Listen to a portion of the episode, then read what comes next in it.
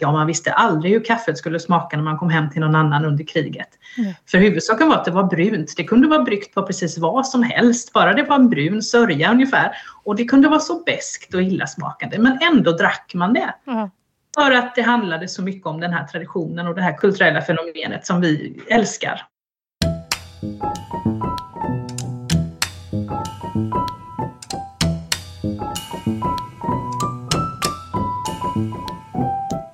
här är Matarvspodden. I denna serie möter jag, Lisa Häger, olika forskare och författare och pratar om mat som kulturarv.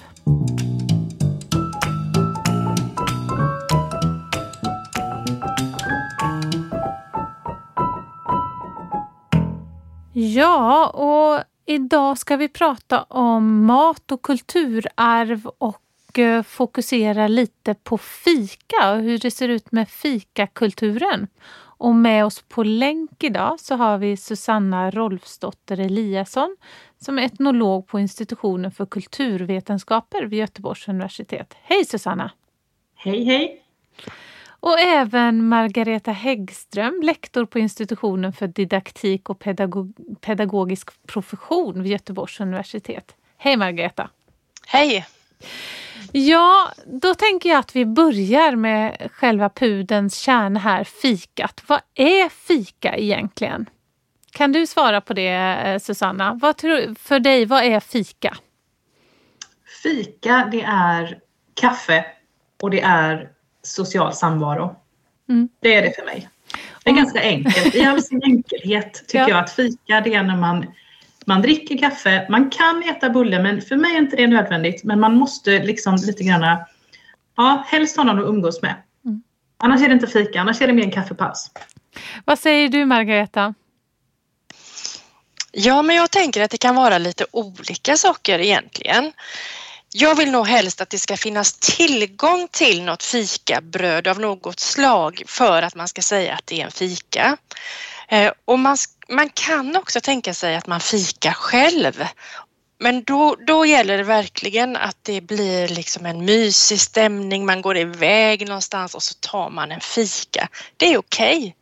Mm. Men det ultimata är förstås att det också sker ihop med någon annan eller flera stycken. Ja, och ni har ju tittat lite på olika perspektiv på fikat eh, ni två. Susanna, du har ju tittat på de interna internationella studenterna och hur de ser på det svenska fikat. Kan inte du berätta lite mer om det? Jo, precis. Alltså det var ju i samband med en kurs som jag höll i på Göteborgs universitet. I Scandinavian Studies heter det och det kommer alltså studenter ifrån hela världen egentligen, från eh, Europa men också från Asien och Amerika och så vidare. Och då ska de titta på svensk kultur och så ska de tala om för oss vad de tycker att det är.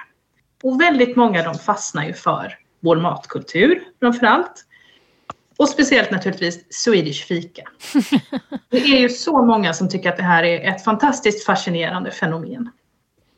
Eh, och jag skulle säga att det är någonting som de eh, lägger märke till väldigt väl och tar med sig även om de bara är i Sverige liksom en kortare tid kanske bara någon månad eller ett par månader, så får de upp ögonen för det här. Och det är ju egentligen inte så konstigt för det är ju väldigt trevligt. Det är ju härligt att fika och det är klart att det är lätt att tycka om det här som kulturellt fenomen. Eh, och det märker man ju att de, de liksom gör. De är väldigt positiva till det. Mm. Mm. Eh, de har också förutsättningar, tänker jag, för att just komma hit en kortare tid och verkligen fika järnet. De är, liksom, ja, de är unga, de har tid, de, de upptäcker alla de här kaféerna när de kommer till Göteborg. Eh, så de, de gör ju det här i rätt hög utsträckning tror jag när de är här då sin korta tid. Eh, och sen var det ju som sagt några av de här studenterna som jag mötte och pratade om det här. De, de tyckte ju att det var också lite annorlunda och lite konstigt faktiskt. Jaha, på vilket sätt då? Ja, en amerikansk student, det stod väl ut lite extra, hon tyckte hon sa så här, alltså att det är så underligt att ni liksom dricker kaffe och ni sitter ner och dricker kaffe och pratar. Och hon uttryckte sig precis så att ni sitter ner och gör det här. och jag, och jag liksom, men vadå, vad menar Ja, men alltså när jag dricker kaffe, sa hon hemma i min hemstad i Chicago, då, då är det ju på språng. Jag köper med mig en kaffe för att fylla på min koffeinreserv. Liksom. Det var ju kaffe så för henne. Men ni, ni ska sitta ner och kan sitta ganska länge och prata och dricka kaffe. Nej, det var konstigt. Och då frågar jag henne, men om du och dina vänner och bekanta ska, liksom, ni inte setts på länge till exempel, eller har något ni verkligen vill prata om, vad, vad gör ni det någonstans? Där? Jo, men det, då gör vi ju det på restaurang tyckte hon. Då går man och tar någonting och äter. Mm. Och då kan man sitta och prata. Men det här med att fika, det tyckte hon var, eh, det var underligt. Margareta, du har egentligen tittat på precis tvärtom mot vad det den här eh, eh, studenten från Chicago beskriver. Alltså fika-pausen eh, som, som paus och inte som det på språng. Kan inte du berätta lite om vad du har tittat på? Jo, det kan jag göra. Det var ju så här att jag gjorde en studie för att se hur människor förhåller sig till skog och till naturen och till träd och så vidare. Och för att studera det så gick jag på walk and talk intervjuer med människor i skogen. Och för att locka med mig några som ville göra detta så skrev jag i inledningsbrevet att jag lovar att ta med fika. Och jag, då tog jag för givet att då vet man vad det är. Som svensk vet vi vad som menas. Jag kommer ha med en termos, jag kommer ha med bullar. Och, eh, och då gick vi i skogen och pratade och de berättade om sitt förhållande och när vi hade gått kanske en timme eller en och en halv, då tog vi en paus. Och det var då jag upptäckte det här med, alltså som svensk går vi inte och tänker på vad fika är, för det är ju liksom bara någonting som vi gör. Men då förstod jag verkligen vad fika kan betyda. Till exempel då att eh, att vi börjar prata på ett annat sätt än vad vi hade gjort när vi bara gick och promenerade. Nu plötsligt så satt vi ner, som, som Susanna säger, att vi satt ner, vi valde en plats som var mysig. Vi, vi ställer oss ju inte hur som helst eh, var som helst och tar upp termosen utan det ska ju vara mysigt. Eh, och då upptäckte jag också att vi kom varandra närmre när vi fikade. Det blir som att det finns någon barriär som bara försvinner när vi fikar tillsammans. Och jag tror att det kanske är det lite grann som dina studenter där Susanna var inne på också att det, det, det, betyder inte bara att vi fyller på koffein. Det är någonting annat och särskilt då när vi gör det tillsammans. Att det blir informella samtal som är svåra att få till på något annat sätt. Så det som hände med, med de här människorna när vi fikade var att vi kom in på existentiella frågor. Vad är det egentligen att vara människa idag i den här världen? Och det gjorde vi inte innan vi satt och fika.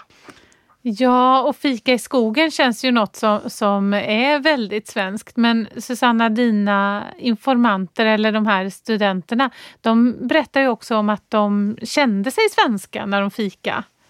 Mm. Eh, kan du berätta lite om det? Ja precis, Nej, men de tyckte ju att det var, är det någonting man kan göra för att känna sig svensk, då är det att äta den svenska maten eller fika, ta en fika. Och då skulle det ju gärna vara liksom, eh, ja, de pratar om, ju om kanelbulle och precis som Margareta säger, man har ju den här idén om vad en fika är för någonting. Det, det råder ju ingen, eller det råder konsensus skulle jag säga om vad det är för någonting. Så att det var lite intressant att höra att de, de, de uttryckte det som att vem som helst kan vara svensk, det, det är bara att ta en fika. Mm. Och under dina walk and talks, Margareta, var det, kände du att dina informanter eh, var, var de samspelta i vad, vad fikat skulle innehålla? Alltså var det någon som, som tyckte att bara ta med kaffe och bulle var för litet och hade förväntat sig något annat? Eller var ni samspelta i, i vad formen på innehållet av fikat var? Ja, det tror jag att vi var. Och det var ingen, ingen som sa någonting sånt, men det var faktiskt en av dem som hade med sig eget eh, kaffebröd också som hade bakat. Som, och det är också lite sådär som man kan göra att ja, men då tar man med sig, om man är flera stycken, då tar alla med sig någonting för att liksom, man brukar inte bara lämpa över det på en person just om man ska gå iväg och fika. Mm. Men det var, det var inga tvivel om vad det var som skulle ske. Hur viktigt tror ni platsen är för fikat? Du pratar om skogen, Susanna pratar om kaféer, men det finns ju även andra, kaffe, eh, andra platser där vi fikar som på begravningar och, och eh, ja, i andra sammanhang. Hur, hur viktigt tror ni formen och platsen är för fikat? Ja, jag kan säga någonting där för att det som jag har tittat på det från ett lite mer filosofiskt teoretiskt perspektiv, alltså från ett fenomenologiskt perspektiv och det handlar ju då om hur vi upplever saker och att vi upplever saker med alla sinnen. Och där menar jag att platsen är väldigt betydelsefull därför att platsen förstärker det vi upplever. Så vi använder ju då synen och, och, hur det doftar, vi känner och vi smakar förstås. Och om man då väljer en plats som man tycker väldigt mycket om och som jag sa tidigare då som vi upplever som mysig, som kaféer och sådär. Eh, då förstärker det hela upplevelsen så när vi då fikar så är det som att vi tar med oss alla våra tidigare minnen av att fika de här positiva minnena tänker jag främst på då. Och då, då är ju naturligtvis platsen väldigt viktig i de minnena. Jag vet inte vad du säger Susanna? Jo, men jag håller med dig. Absolut. Jag tänker att man kan vända på det också faktiskt och tänka att fikat är viktigt för platsen. Eh, ja, men om du tänker en begravning, vad händer när man fikar? Jo, men då har man liksom, det, det finns, helt plötsligt kommer det får vi liksom en, en trygghetsaspekt på något sätt på det där. Liksom. Det kommer någonting välkänt, det kommer någonting som, som Margareta sa, som något vi bara gör. Och det känns naturligt och skönt att göra det, kanske på en begravning till exempel. Man kan, ja men nu fikar och nu dricker vi kaffe. Så att det, kan, det kan också vara så betydelsefullt för platsen. Det är klart att den här den sociala inramningen kan ju se väldigt olika ut. En fika i skogen och en fika på en begravning, precis som du säger Lisa, är ju väldigt olika såklart. Men också att fikat är beständigt. Platsen är olika, men fikat det vet vi vad det är och det är trygghet. Skulle jag säga. Och hur, hur gammalt är fika som tradition då? Har ni kikat lite på det eller har ni någon uppfattning om det? Där är nog Susanna mer lämpad att svara på det ja, tror jag. Jag är ju inte, jag ska, jag är ju inte historiker men, men man kan ju ändå ge sig på och gissa lite grann. Mm. Absolut. menar, kaffet, kaffet kom ju till Sverige på 1700-talet. Så man kan väl tänka sig att fikan som från början ju det är någon språkvetare som har sagt att det, det är en om, eh, man har slängt om bokstäverna i kaffe. Alltså det gamla uttrycket för att dricka kaffe eller kaffe. Och att det var kaffet som var fika från, från början då. Mm. Eh, så kan man väl tänka sig att det, det var där någonstans det startade. För då satt man ju, då fanns det ju kaffehus och sådär man gick och drack kaffe på. Och sen så allt eftersom så kom det ju, så spred det ju sig i samhällsklasserna liksom, med kaffe så, och fika. Så att, någonstans där skulle jag ju säga att det började. Ja, och Göteborg är ju lite känd för sin fikakultur och vi är ju faktiskt i Göteborg och spelar in den här podden. Och varför tror ni det har blivit så att eh, Göteborg är känt för sin fika? Är det kaféerna eller vad är det som, var kommer det ifrån tror ni? Det har säkert flera orsaker. Eh, just det där att vi vill sitta ner. Vi har inte riktigt lika bråttom som man kanske har i Stockholm. Det brukar ju även stockholmare eh, poängtera när de kommer hit att vi står i vägen vid rulltrappor och vi har, vi har inte på språng på samma sätt och jag tänker att vi gillar att umgås och sitta och snacka på det sättet. Och så, så därför tror jag att det... Men vi har också närheten till Allingsås som är kanske ännu mer kafétätt. Mm. Så det finns väl någon tradition här. Eh, men jag, jag, är inte så bevandrad i det. Vet du det Susanna? Nej, det vet jag faktiskt inte. Jag, jag kände inte till att Göteborg var så känt för att fika om jag ska vara helt ärlig. är det det? Är det så? Ja. Jag tänkte också ja. på Alingsås som Margareta sa. Det brukar man alltid höra, men där är så mycket fik. Ja, men vad trevligt. Men det ligger nog något i det där. Jag gillar att köta och goda gubbar och så. Eller? Ja, och det som man ser på i Göteborg som är skillnad från väldigt många andra städer, det är ju att vi kan gå och fika på kvällarna. Precis som att folk går till puben så kan vi lika gärna välja att träffa en kompis på ett café och det är öppet på kaféerna på kvällstid och det är det ju inte överallt. Så någon, någonting är det där som vi gillar med, med fikat. Mm. Mm. Och Eh, kan vi prata om fikat som ett eh, kulturarv även om det är lite yngre? Och vad är det kulturarvet? Är det den här eh, är det innehållet eller är det aktiviteten? Vad tror ni? Både och tror jag att det är. Alltså, men det, jag tycker det är ett självklart kulturarv. Det är någonting som vi har ärvt och vi kommer att eh, liksom skänka vidare i sin tur till, till de som kommer efter fikakulturen. Så det tycker jag. Jag pratade med en dam som var 96 år häromdagen och hon pratade om när de fikade under kriget. Hon pratade om surr, alltså mm. surrogatkaffe. För vi pratade om de här att, att, priset på kaffe har gått upp så ganska mycket sådär och, och, och hur ska det gå? Ska man behöva dricka eh, surrogat och sådär?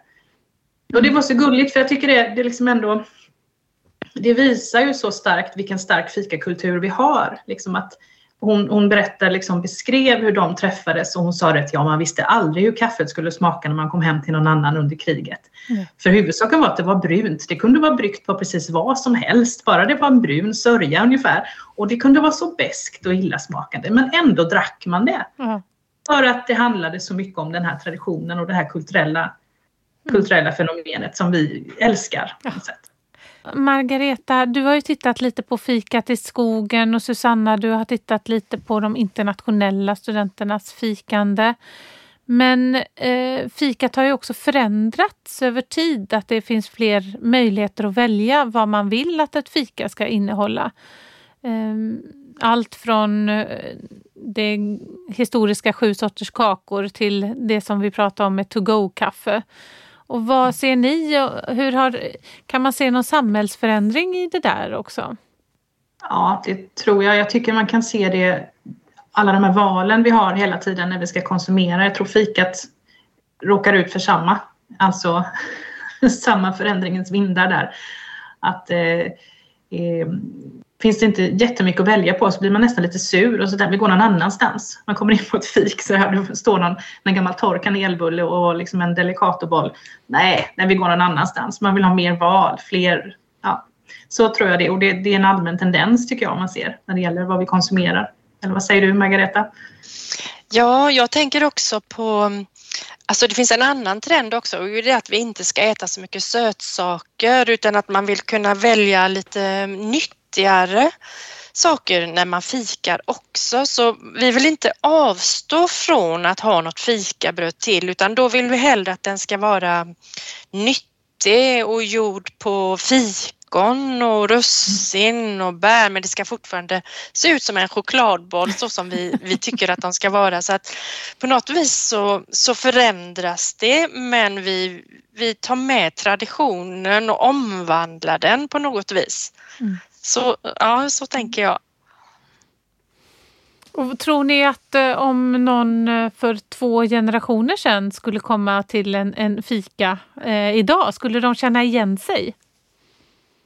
Om eh, de fick följa med, om eh, eran mormors mor fick följa med de internationella studenterna ut på en fika, vad hade, de, eh, vad hade de tyckt då om det? Hade de tyckt att det var riktig fika, tror du Susanna? Jag tror att de hade tyckt att det var ett fruktansvärt överflöd för det första mm. på våra moderna fik. Eh, och nej, jag tror inte de hade känt igen så mycket av de här eh, stora lattekopparna och eh, massa skummad mjölk i kaffet och eh, som råbollar som ser ut som chokladbollar fast de är gjorda på dadlar. Nej, det hade nog varit lite, det hade nog varit lite intressant. Mm. Och vad tror du Margareta om du hade tagit med en mormors mor ute i skogen? Vad hade, hade den känt sig som hemma där också? Det tror jag faktiskt, för där väljer man ju, man gör ett litet eh, utsnitt på något sätt där det här traditionella får vara i centrum. Det blir kaffe och det blir någon enstaka eh, något enstaka tilltugg som en bulle eller en sockerkaka eller någonting. Där, där tror jag man är mer traditionell. Möjligtvis att man eh, lockar med en smörgås. det är lite mer avskalade fikat eh, som är i skogen helt enkelt. Ja, och det, det, det, är ju inte så konstigt med tanke på att du måste packa ner och förbereda och bära det själv. Så därför så tänker jag att det, det, gör man inte, ta med för mycket. Kanske man hellre slänger med en frukt extra i så fall. Och det, det ingår inte riktigt i fikat utan det, den kanske man tar under promenaden. Så att inte det nyttiga helt enkelt eh, under fikat utan eh, det får vara innan. Ja, det tänker jag. Vi vill ju gärna tänka på det svenska fikat som ganska unikt och typiskt för Sverige och det är kanske det men det finns ju någonting som liknar det svenska fikat i afternoon tea som man dricker i England eller eh, vad säger du om det Susanna? Ja, visst finns det likheter Därför att man sitter ner, som vi varit inne på en hel del, och intar sin, sitt te och kanske sina scones och kakor. Och när jag tänker afternoon tea då tänker jag mycket på de här fina anrika kanske hotellen som bjuder på afternoon tea och det ska vara de här små snittarna med lax och gurka och sådär. Och jag tror att när man tänker så också kan komma in på en viktig skillnad mellan svensk fika och English afternoon tea. Därför jag tror att det finns en ganska viktig klasskillnad där. Att afternoon tea i England, det är inte någonting som gemene man ägnar sig åt hemma i sitt hem eller för den delen går ut och gör för det är ganska dyrt. Mm. Eh, så på, där, den svenska fikan är väldigt utbredd i alla sociala klasser skulle jag ju våga säga. Eh, I vårt land så är det inte så med afternoon tea. Eh, utan det har en helt annan på något sätt socioekonomisk inramning samtidigt. Ja, det är ju spännande. Men det finns kanske en kusin som dock är mer jämlik i, i eh, Sverige. Kafferepet, Margareta. Hur, vad är ett kafferep för någonting? Nej, men jag tänker först på den typen av kafferep som man kanske arrangerade inom Svenska kyrkan och där det främst var då kvinnor som träffades och satt och pratade och man, man, eh, bestämde olika saker som skulle ske och organisationer som man skulle hjälpa och så vidare. Och samtidigt så drack man kaffe och åt säkert sju sorters kakor och så handarbetade man. Eh, men då då, det skiljer ju sig från det här med fikat på så vis att då var det ju en viss grupp av människor som samlades. Det var liksom kanske lite äldre kvinnor. Medan fika det, det är någonting som inkluderar vem som helst och alla. Ja, väldigt intressant. Ska vi se här på avslutande fem så har ju vi funderat på fem bästa fikatillbehören. Vad tycker ni är de fem bästa fikatillbehören? Ja, nummer ett tycker jag ju är kanelbullen. Klassiskt, ja. Och eh, vilken är din tvåa? Men, men alltså ett, eh, ett café i Göteborg med uteplats. Mm det får nog bli en, en tvåa för mig. Men jag tycker väldigt mycket om ni vet, ett sånt här gammalt café som man nästan får leta upp nu för tiden. Det finns nästan inga kvar. Vi har några få kvar i Göteborg men ni vet där det faktiskt inte är de här latte och alltihopa utan där du får en liten kanna mm. med kaffe. Mm. Och gärna att de kommer fram till bordet och serverar dig. Och det var nummer tre. Och vad har du då på fjärde plats, Margareta? Ja, trots att jag har pratat mycket om skogen tidigare så måste jag ändå säga att få sitta på klipporna vid havet en sommardag när det glittrar så där i vattnet när man tittar ut. Det får vara nummer fyra. Ja, fantastiskt. Och fem?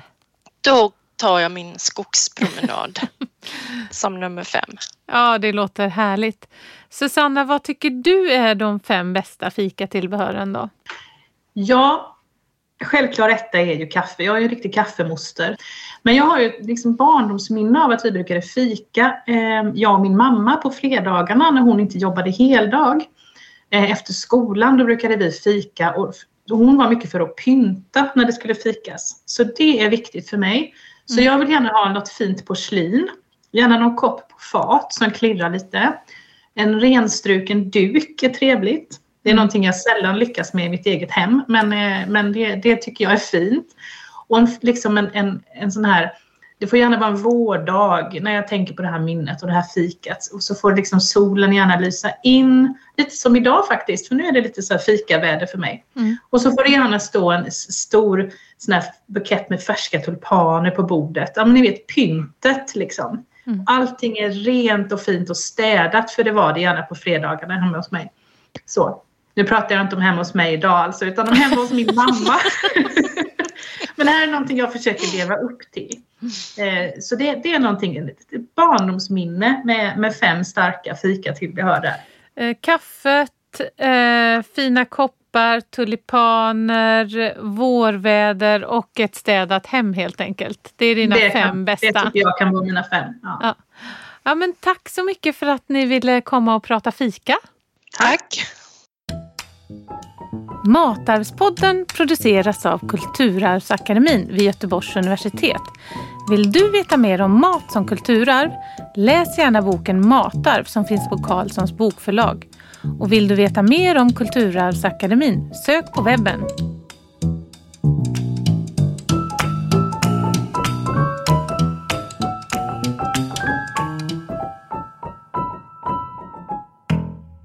Matarvspodden finansieras av bidrag ur stiftelsen Gustav Adolf Bratts föreläsningsfond och Centrum för kritiska kulturarvsstudier vid Göteborgs universitet.